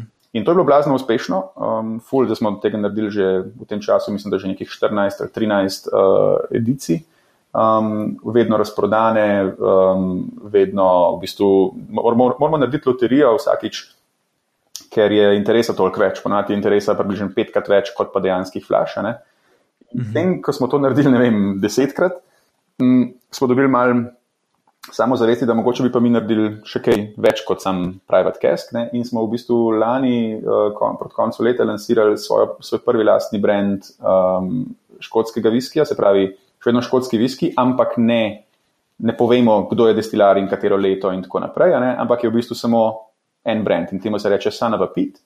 Um, in Sanova Pit je, je naša znamka. Um, Pited škotskega viskija, se pravi, teh viskijev, ki so zelo specifični uh, po okusu in vonju in niso vsakomur všeč. Ampak kar smo mi ugotovili skozi naše podatke, skozi našo um, zgodovino in, in, in, in feedback naših memberjev, je, da, da ja, pitet viski ni vsakomur všeč, ampak tistim, ki pa je, so pa tako religious about it, tako so totalni fani. In smo rekli, super, to je tako dober začetek za nas. Smo naredili, um, smo naredili uh, ta brand, lansirali prve flaše in v bistvu spet razprodali te flaše v vem, enem vikendu oziroma enem tednu tako zelo, zelo hitro. Um, in tukaj je bilo, metoda je bila tukaj, da smo, da smo mi uporabljali svoj insight, uh, ki smo ga videli uh, z opazovanjem naših memorij, da da smo razvili svoj produkt. Ne. Na drugi strani um, je pa zdaj to, kar si pa ti omenil, ta zadnji brand, ta tretji naš brand, ki smo ga pa lansirali zdaj, lih uh, še mesec nazaj, um, je bil pa konjak. Um, je, pa, je pa še majčken dlje smo zapeljali ta koncept, um, da imamo mi community memberjev. Um, smo pa rekli, ok, radi bi naredili konjak. Ta konjak, konjak je nekak kralj med pijačami, ampak je smatran kot uh, veš, kategorija, ki so jo pili naši detki. In je mal, mal, mal, mal tak, mal je za tohu. Um, in rab mal, mal svežine. Um, in smo se vprašali, okay, kako bi mi naredili konjak, ki bi bil dejansko primeren za današnje uh, potrošnike, sploh za naše membere, ki so večinoma pač tako nekako mlajši, odrasli. Ne? Um, in, um, in smo v bistvu šli v, v Francijo, v konjak, tam z enim destilarjem, uh, zanimivim se mal pogovarjali. Uh, Griša je, je, bil, je bil tisti, ki je, ki je to seveda um, vodil in je, in je nekako spet na podlagi lastnega občutka povedal temu destilarju, kaj približno mi iščemo, ne? kaj bi radi dosegli. In potem je on naredil um, tri različne blende svojih konjakov, um, tako zelo starih, tako zelo resne, zelo resni konjaki, zelo resna pijača. Ampak je naredil tri blende na podlagi našega inputa, ki ga je slišal, in valjda svojih izkušenj, ki jih ima pa osem generacij. Ne? um, je, je pripravil tri blende. Te tri blende smo potem mi zapakirali v naše tasting boxe, se pravi, vračamo se nazaj na naš, na naš tisti osnovni produkt. Ne? Naš osnovni produkt so tri različni vzorci, ki jih ti probaš side by side in se ložiš, kateri ti je všeč. Ne? In smo vzeli te tri blende in smo jih dali v en tasting box in ga poslali našim memberjem. Mislim, da je bilo enih uh, slabih tisoč uh, ljudi, uh, je to dobil, in potem smo mi pobrali njihov feedback kaj mi je všeč pri vzorcu A, kaj pri vzorcu B, kaj jim ni všeč, kaj bi drugače, aj presladko, aj bi, bi bolj sladko ali manj sladko. Um, a, je, a jim je bolj všeč te, uh, vzorec, kjer je više stopnja alkohola, ali tisti, kjer je nižja stopnja alkohola, in tako naprej. Ne? Smo pobrali vse ta feedback, ga predelali interno in potem v bistvu s tem feedbackom dali navodila temu destilarju, zdaj pa naredi četrti blend, ki bo pa upošteval vse ta feedback. Ne? In četrti blend je dejansko to, kar je danes produkt, uh, ki se mu reče Ferrero. Uh, in gre za konjak, ki je uh, popolnoma drugačen kot katerikoli konjak, uh, ki, ki trenutno obstaja na trgu. Um, ker večinoma so naši kupci, oziroma naši membri v Ameriki, ker so američani, so večinoma um, uh, pivci brbna um, oziroma ameriških viskijev. In imajo ameriški viski, imajo pa zelo tak specifičen uh, profil, ne? so ponovadi taki bolj, bolj tak spicy, pa, pa bolj z visokim alkoholom. Tako, in seveda je njim, uh, našim memberjem, ko so dajali feedback, ne? so bili najbolj všeč tisti vzorci, ki so bili bolj podobni brbnu. In na koncu je naš konjak dejansko nekako um, uh, nekak konjak za viski ljubce um, postal, ne, ker je dejansko po profilu okusa, seveda, še vedno zelo, zelo resen konjak, ampak, um, ampak z več kot očitnim spogledovanjem z, z ameriškim viskijem. In, in je ful, ful, ful zanimiv projekt, ratov, tako ful nepričakovano um, se, se je obrnil, tako, oziroma tako le nazaj, ko pogledamo, je ful logično, ne, ampak nismo pričakovali, da bo šlo v to smer. Um, in zdaj smo ga v bistvu lansirali kot, um, da je to v bistvu The People's konjak, ne, se pravi, je konjak, ki so ga sooblikovali uh, pod končni potrošniki in to je pa full revolucija um, v, v, v svetu uh, žgenic. In seveda noben drug tega ne more narediti tako, kot mi lahko naredimo, ne, ki imamo tisoče in tisoče ljudi, ki so totalno angažirani, ki plačujejo letno članarino, da, da delajo take projekte in da, da kupujejo potem take produkte. Uh, tako da je zelo, zelo unik, um, da smo mi to sploh lahko naredili in tudi potem rezultat je bil zelo unik. A prodajate ta konjak um, samo svojim memberjem ali tudi imate ja. na črtu v trgovine? Pa... V bistvu tako je. Um, konjak je prvi produkt, ki ga, ki ga prodajamo tudi ne memberjem, ampak še vedno samo prek našega, uh, se pravi, samo prek našega websita. Mhm. Um, Drugač pa, um, ampak memberji pa, pa dobijo boljšo ceno v tem primeru, se pravi, damo, mhm. damo kar, kar znaten popust. Uh, Um, in v bistvu je logika, da, da če bo ta konjak um, uspešen, ne, lahko postane način, kako lahko mi na, na podlagi interesa za konjak pridobivamo tudi nove memberje. Ne. Se pravi, če nekdo pride in reče, da bi kupil tale konjak, uh, stane 130 dolarjev, če pa postane member, zdaj le še ga pa dobim za pod 100 dolarjev. Uh mhm. -huh. In je to mogoče lahko to incentiv, zakaj, uh mhm. -huh. zakaj postati member. Ne. Plus, da dobiš za ston shipping že ob tem istem naročilu, tako da kar precej prihraniš lahko ja. že ob prvem naročilu. Ne. To je kot neki Netflix exclusive content. recimo. recimo. Incentive, da se joina. Okay. Tako je. Kako ste se pa točno lotili financiranja tega um, eksperimenta, kar se tiče crowd tastinga? Uh, in kar me zanima, je to, ali uh, ste sami financirali te, um, te tri okuse in jih potem na lasen strošek poslali svojim uh, memberjem, ali ste že tukaj malo testirali pripravljenost, koliko so pripravljeni za plačati, pa so morali plačati, da so sploh bili del tega eksperimenta? Um, ja, ne, to je v celoti, ker je to naš brand, ne, smo v celoti financirali sami. Mhm. Um, se pravi, vse, pač, vse stroške, kar, kar so prišli s tem, vključno z, z tem, da, smo, da, da, smo, da je bilo treba izdelati brand, uh, oblikovati, uh, narediti, uh, izbrati flaše, narediti vso logistiko in tako naprej. Tako to je v celoti bila naša investicija v tem trenutku. Um, in uh, medtem, kar se tiče pa uh, memberjev. Um, smo pa tako naredili, da smo, da smo jih pozvali v nekih, um, v nekih večjih, a ne kdo naj sodeluje. Um, mal bolj smo težili tistim, ki že imajo afiniteto do konjaka, mal manj smo težili tistim, ki imajo izrazito neafiniteto, rečemo. Ne. Mhm. Um, po eni strani, ampak predvsem poslovno gledano smo pa, smo pa naredili tako, da um, ker naši membri kot del benefitov kluba ne, dobijo uh, si lahko izberejo vsak, uh, vsake tri mesece en brezplačen tasting box. Um, in to je bil eden od tasting boxov, ki so si ga lahko izbrali. Se pravi, v bistvu te, ki so, te, ki so sodelovali, so v bistvu investirali ta svoj en token, ne, en svoj žetonček, uh, ki ga dobijo enkrat na kvartal, so ga žrtvovali za, za to, da so, da so to poskusili. Mhm. Um, in da so dali feedback. Se pravi, dobili so dejansko so probali tri različne um, zelo, zelo kvalitetne konjake, ne? in hkrati je pa njihovo ime danes napisano na, na spletni strani, um, kot da so, so kreatorji uh, tega konjaka. Um, in to je bil, to je bil tak uh, marketinški move, ki je, ki je pomagal, da, da, da je čim več ljudi sodelovali pri tem. Ej, zdaj, ko ste profitabilni, kakšni so zdaj načrti za naprej? Ja, še, še bolj zrastne. Še bolj profitabilne. um, ja, v bistvu smo tako. Um, lani je, bilo, je bil sploh ta, je bil, je bila profitabilnost glavni cilj. Uh, tudi z enim zelo specifičnim razlogom. Mi smo konec 2016 smo, smo dejansko kupili enega konkurenta v Ameriki. Eno spletno stran, ki je, ki je zgolj bila v bistvu tak bolj klasičen e-commerce za, za, um, za flaše um, žganic. Um, in to smo kupili z denarjem, ki smo ga imeli, um, oziroma z prihodnjimi prihodki um, iz biznisa. Ne. In zato je bilo zelo pomembno, da smo mi ostali um, potem v letu 2017, da smo bili čim bolj profitabilni, ker iz tega profita smo rabili potem še odplačevati kupnino za tisto podjetje. Uh -huh. Je bilo izredno, izredno pomembno, da, da ostanemo. Um, pač profitabilnost je bil tako ključni cilj za lani, ob tem, da seveda hočemo pa še vedno rasti. Um, to je bil konstanten balans um, med, med tem, koliko lahko posvetimo rasti, pa da še vedno si ne pokvarimo um, rezultata.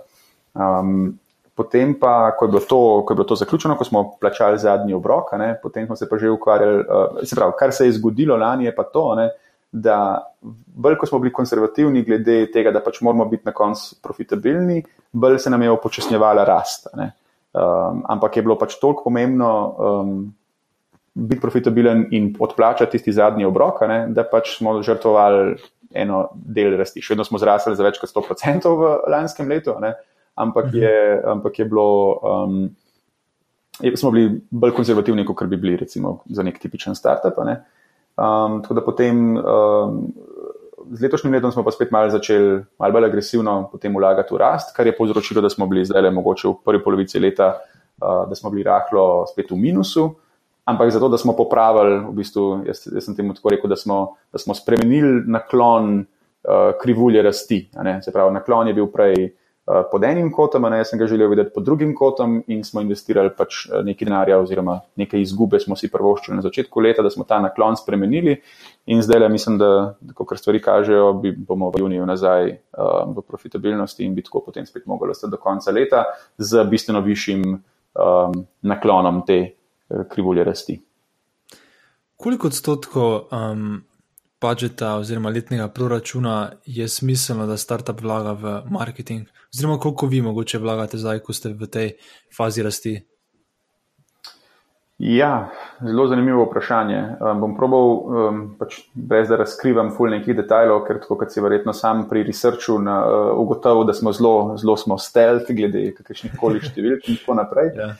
Um, ampak bom probal bolj generalno odgovoriti, pa mislim, da tudi bolj, um, bolj koristno za, za, za poslušalce. Um, se pravi, jaz vedno nagovarjam um, podjetnike, sploh v Sloveniji, da poskušajo rast, z, um, pravi, da, da čim prej začnejo plačevati oglaševanje, um, zato da, da, da, da, da rastejo. Um, to je pomembno zato, ker ko greš ti delati plačljive oglase in poskušaš rast prek tega, um, se fulno učiš. Ta, ta prvo obdobje je, je tako, delaš ogromno enih napak vsi ti algoritmi, ki jih uporabljajo danes Facebook in Google, se morajo to full naučiti, um, specifike tvojega biznisa, kdo so tvoji target uh, customeri, da potem njim prikazujejo oglase in tako naprej. In kadarkoli, v katerem koli trenutku boš, začel, boš želel začeti vlagati v plačljivo oglaševanje, boš ti imel nek learning curve teh algoritmov, ki bo trajal lahko pol leta in več. Zato je bolj, da to čim prej začneš. Drugo pomembno je, da, da če ti plačuješ za, za customerje, um, to, se, to postane eden od gumbov, ki, ki so se prej pogovarjali o gumbih, ne, s katerimi lahko vplivaš. Če ti, nimaš, če ti nimaš eh, plačljivega oglaševanja um, v, v svojem miksu um, in če ga ne znaš delati, ali pa če, če, če, če ti ne prinaša zadosti veliko um, uh, klikov. Ne, Potem ti ta gumb, ki sem prej rekel, da je eden od pomembnih gumbov, je, koliko bomo imeli trafika čez šest mesecev, ne, ti ne znaš predvideti tega. Um, ker če si samo odvisen od, od, organskega, um, od organskega trafika in od tega, a veš, koliko ljudi klikne na neke članke, uh, ki si jih dosegel s PR-om, ali pa koliko ljudi sliši od prijatelja in tako naprej, ne, nad tem nimaš nobene kontrole. Uh, Medtem ko nad plačljivim oglaševanjem imaš pa full kontrole. Ne veš točen, kako, a, a veš, ne moreš čist zadeti v nulo, kakšen bo rezultat, um, ampak veš pa, če vložim toliko, bom dobil ven približno toliko. In zato je ful, ful, ful važno, da, da ljudje um, čim prej, da, da, da founderji, da, da podjetja čim prej začnejo nekaj vlagati v plačljivo oglaševanje, da, da dobijo sploh ta gumb, da se jim pojavi na njihovem, veš, dashboardu, da imajo ta gumb, ne, ki ga lahko potem pojačajo, pa zmanjšajo. Ne. Zdaj, nevarnost je pa seveda, če si ti odvisen samo od plačljivega oglaševanja, ne, ker to je pa zdaj ta realnost svetovnega marketinškega trga, da se pač vse denar seli na internet in da na internetu pa realno um, obstajata samo dva playerja in to je Facebook in Google. In več, ko gre denarja na, na, na, ta, na, na te platforme, več, ko gre denarja na internet, več je, um, večja je konkurenca. Oba, obe te dve platformi delujeta kot um, dražbeniški platformi, v smislu, jaz sem pripravljen plačati za en klik toliko, nekdo drug je pripravljen plačati manj, in zato bo Google pokazal moj oglas in ne njegov oglas. Ne? In če hočeš biti sploh prikazan kot oglas, moraš dražiti vedno več, um, in kar efektivno pomeni, da je oglaševanje na internetu vedno, vedno dražje in to ful dražje. Tako da, prej sem rekel, da je treba čim prej začeti uh, plačljive oglase um, prikazovati, ampak ob tem pa seveda ne smeš pozabiti, da te plačljive oglase vedno moraš um, dopolnjevati z, z tem, da delaš nekaj na, na organic uh, trafiku, se pravi na, na tem, da, da, da stranke ti lahko pripeljajo nove stranke, da, ti, da, da, da, da pač sodeluješ z mediji, da, da poskušaš dobiti neke uh, PR uh, objave, da, um, da delaš uh, search engine optimization, zato da ti, da ti organic trafik um, hodi iz, iz iskalnih rezultatov in tako naprej. Um, ampak ne moreš preživeti skratka, samo z enim ali samo z drugim, ne, ampak mora biti nek dober balans. Pri nas je recimo trenutno približno polovico trafika pride iz plačljivih uh, virov, polovico pa iz, iz ne, neposredno plačljivih, ampak iz teh bolj rečemo organik. Kaj pa za nekoga, ki komaj začenja? Um, kaj bom rekel, koliko časa naj investira? Prej smo se pogovarjali o tem, veš, produkt proti prodaji. Uh, koliko bi rekel tu? da je mogoče tako v odstotkih se pri najbolj smiselno posvetiti produktu, koliko prodaj, oziroma marketingu. Uh, in znotraj potem marketinga, koliko bi rekel, da se je treba fokusirati na paid, koliko pa potem na organik. Um, ja, glede, na, glede na to, komu dajem ta nasvet, ne, da to je slovensko poslušalstvo, bi rekel, fulj se fokusirajte na prodajo, pa čist nač na produkt. Um, ker bomo po definiciji v Sloveniji pretiravali z, z, z razvojem produkta. Um, tako da, če rečem, 100% se morate ukvarjati s prodajo, bo rezultat mogoče lih to, da, da, um, da, bodo, da, bo, da bo razmerje primerno. Um, ne, pač le, valjda na začetku moraš um, se fokusirati na produkt in nekaj narediti, kar ima vrednost. In to je pač ful važno, da, da ustvariš nekaj, kar ima realno vrednost. Ampak definicija, kaj ima realno vrednost, pa ne more biti veš, moj občutek. Ne, jaz mislim, da sem naredil nekaj, kar ima vrednost. Najboljša definicija, a si, a si ustvaril vrednost, je, da, da, da daš to ven, da ljudje to vidijo in, da, in ne samo, da vidijo in ti rečejo, o ja, super, ampak da vidijo in da rečejo, kul, cool, jaz plačam za to. Ne. Zato je pomemben čim prej ta trg. Teda bolj je, bolj kot uh, koliko časa čemu posvečati, ne, je vprašanje, koliko mal že iti ven na trg. Ne, in uh, spet neka taka, neka taka mal že skoraj klišejska floskula uh, je, da pač kao, če um, kolončaš svoj produkt, če te ni totalno sram, um, če, veš, če, nisi, ja, če te ni sram tvoje prve verzije produkta, pol si itak lansiral prepozno, ne? ampak it's true. Um, absolutno drži, da, da, da moraš, da, da rajš prej kot kasneje.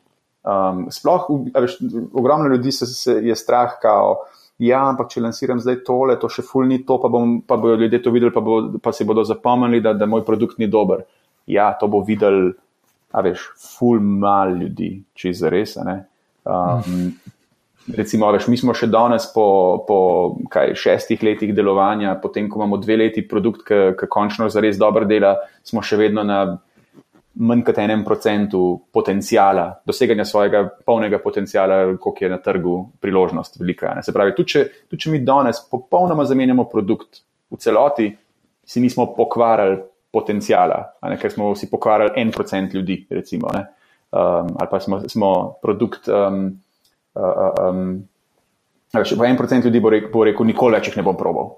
Ne, en procent ja. našega potencijala. In to, veš, če je vredno to reskirati, ne, če si ugotovil, da imaš na drugi strani eno spremembo, da lahko narediš, ki, bo, ki te bo pa odprla za 99% ljudi, ne, do it.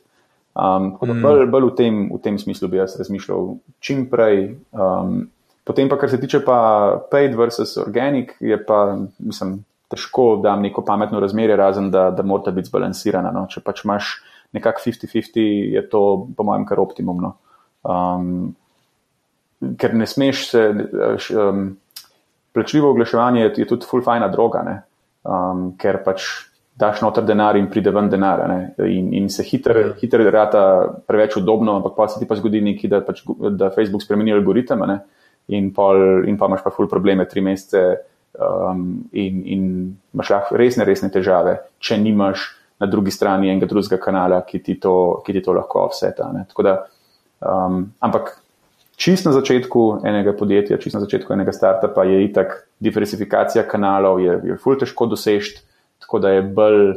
Bolj je pomembno, da pač nekaj delaš, ne? da, da, da, da delaš nekaj paid in nekaj za organik, in potem um, ko, ko imaš neke rezultate, se razvijaš od tam naprej. Šele ko ti Facebook dobro dela, začneš razmišljati recimo o Google. Ne, ne se preveč na tenko razmazati. Ne? Se pravi, uh, fokusirati se na, na boljše, da, da, da nekaj delaš, pa tisto, da si na tisto fokusiran, pa da hitro ugotoviš, a dela ali ne dela in zamenjaš, ampak ko zamenjaš, zamenjaš. Ne, una, veš, Facebook mi ne dela, da bomo probali zraven še Google, pa, zraven, pa, pa delam zdaj Facebook, pa Google, pa mi ne dela še Google, pa, delam, pa grem še na Instagram, pa zdaj delam Facebook, pa Google, pa Instagram.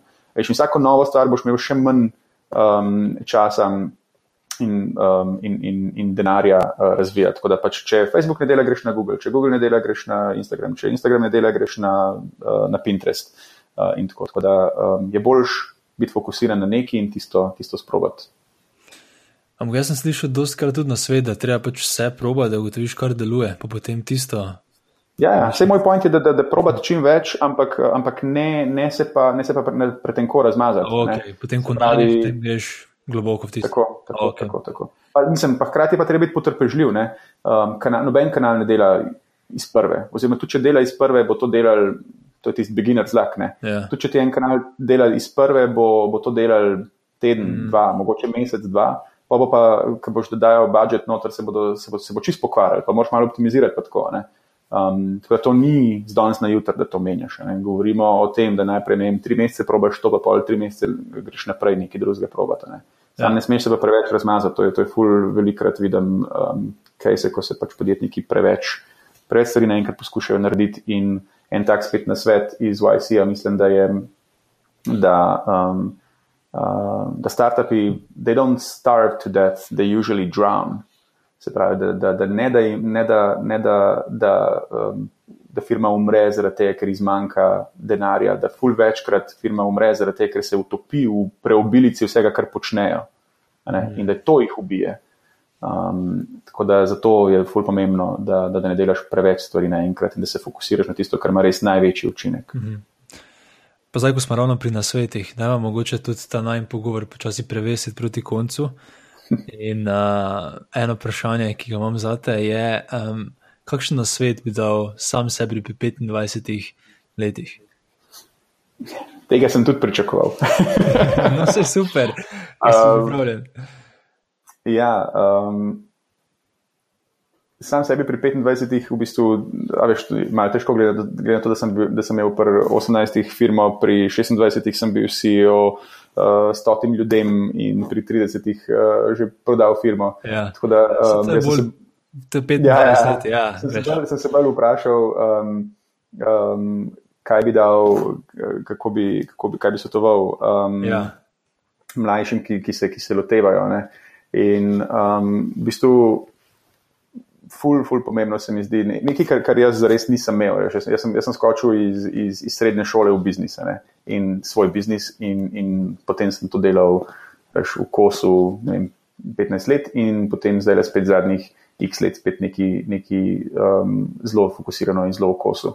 Um, bi ful priporočil um, mladim, tako v zgodnih 20-ih, um, da grejo najprej po, po zaključku nekega, neke šole in to, da grejo delati v neko veliko firmo, zato da se naučijo sploh, kako firme delajo, da, gre, da dobijo malo delovnih navad, da imajo malo nekega zoprnega šefa, ki jih goni in tako naprej. Naj pač delajo na polno, zaradi tega, ker je ker, je, ker takrat si mlad, takrat lahko preneseš več, večje obremenitve in tako naprej. Ne. Prav neki ta zgodne, zgodne 20, bi jaz rekel, delati pač za eno veliko firmo, um, preden greš kar nekaj svojega delati. Ne. Potem, mhm. uh, potem v, v, v kasnejših 20, ne, um, bi, bi, bi predlagal, bi bilo recimo, zelo koristno, če si na poti do svoje firme, ne, id delati v en drug startup če, če je tvoj cilj narediti svoj startup, ne, je super slediti.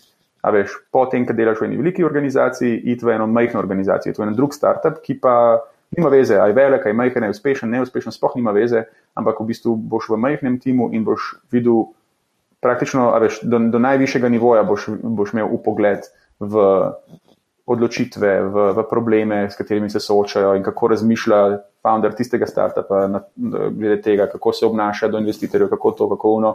In tako, tako da dobiš full in spet drugačen insight v eni manjši firmi, kjer imaš večji vpliv na to firmo, po eni strani in hkrati večji upogled v, v način razmišljanja, kot pa bi ga imel recimo v eni veliki firmi.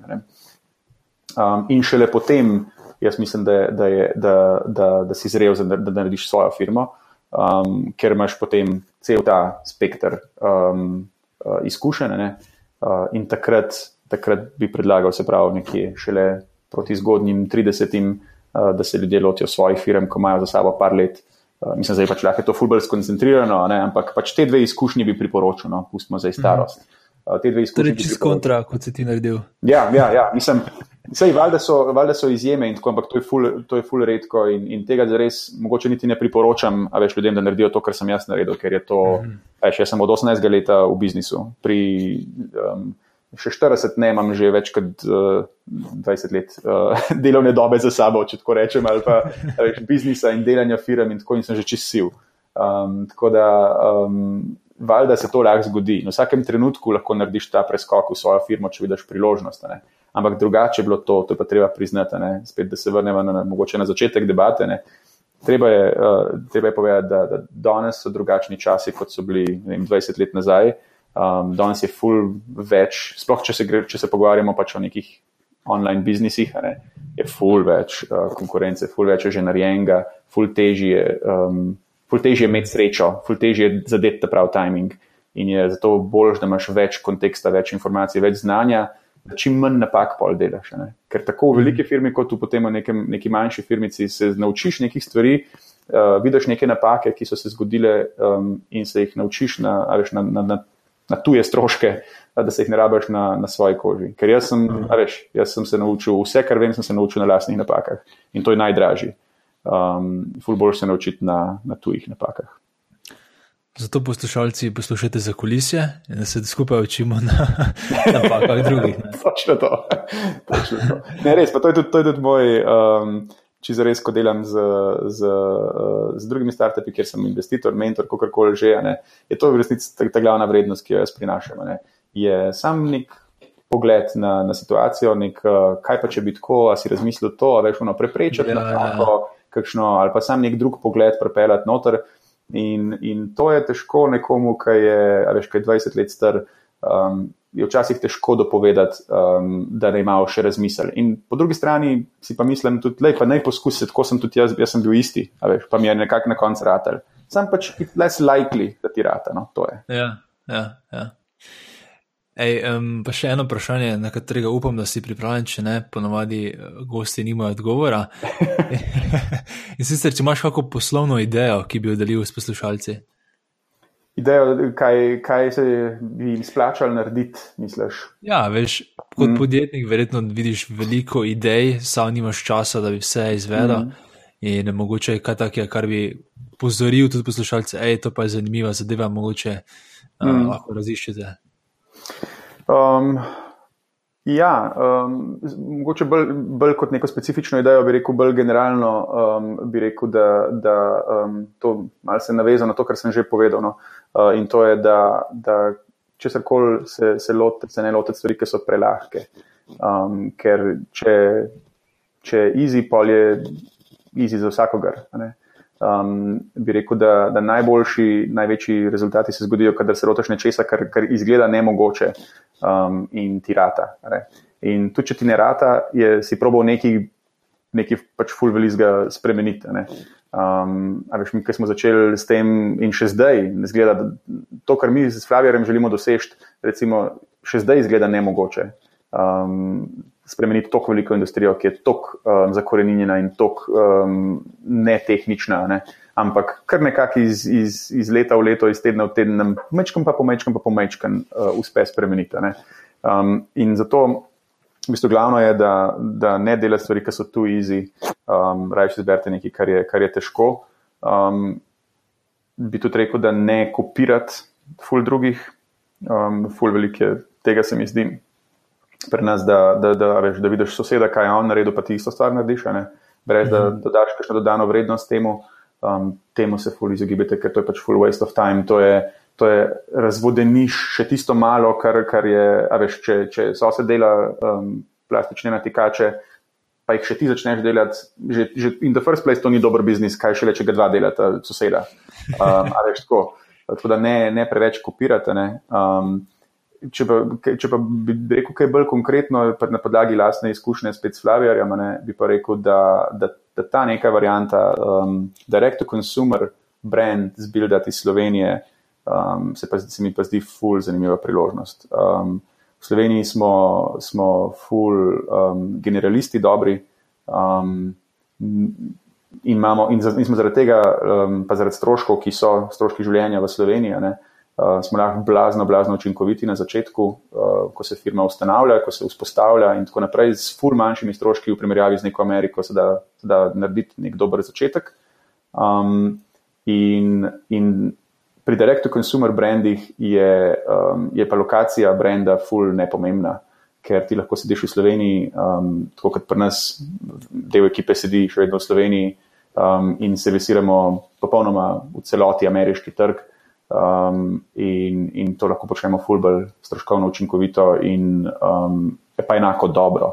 Ne, ker ne rabaš imeti te fizične trgovine, ne rabaš imeti um, uh, nujno fizične prisotnosti, razen par ljudi, ki rabijo potem biznis delati um, tam, kjer pa je dejanski trg, ampak si lahko fulbol učinkovit. Tako da ta direct-to-consumer pa recurring revenue modeli, no, če to nekako um, kdo najde, kakšno, kakšno kombinacijo tega dvojega v neki industriji, kjer, kjer tega še ni, um, je to zelo toplo priporočam. Recurring revenue je super zaradi tega, ker pač ko enkrat prodaš nekomu, sem, denar prihaja od takrat naprej praktično avtomatično, ki si porabo samo enkrat prodati. Tako da take stvari bi jaz iskal, um, če komu kaj pade na pamet. Ej, najlepša hvala, Jugo, za tvoj čas, za znanje, za zgodbice, za vse na svetu. In um, hvala še enkrat, pa da je dosti sreče vnaprej z Flavierem in z ostalimi projekti.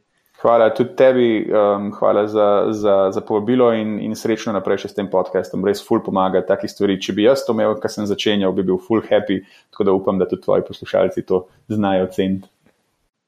Tako, to je vse v današnji epizodi. Če ti podcast za kulise všeč, te vabim, da se prijaviš na mailing listu na zakulisi.com, da boš obveščen ob objavi naslednje epizode. A ja, pa hvala vsem, ki ste oddali ocene in komentarje na iTunesu. Za tiste, ki pa še tega niste naredili, vas vabim, da mi tako pomagate razširiti besedo o tem projektu, saj z vsako ceno in komentarjem iTunes boljše nagira podcast in ga potem lahko odkriješ več ljudi. Projekt lahko tudi finančno podprete. Trenutno sem ravno v procesu nakupa boljše audio opreme, da lahko zagotovim še boljši zvok in s tem izkušnjo za vas, poslušalce. Ta oprema ni poceni, tako da vsaka pomoč prav pride da to storite, torej, da me podprete, lahko greste na paypal.me, pošiljnica naprej za kulisje, torej paypal.me, pošiljnica za kulisje. Hvala še enkrat in se slišimo v kratkem.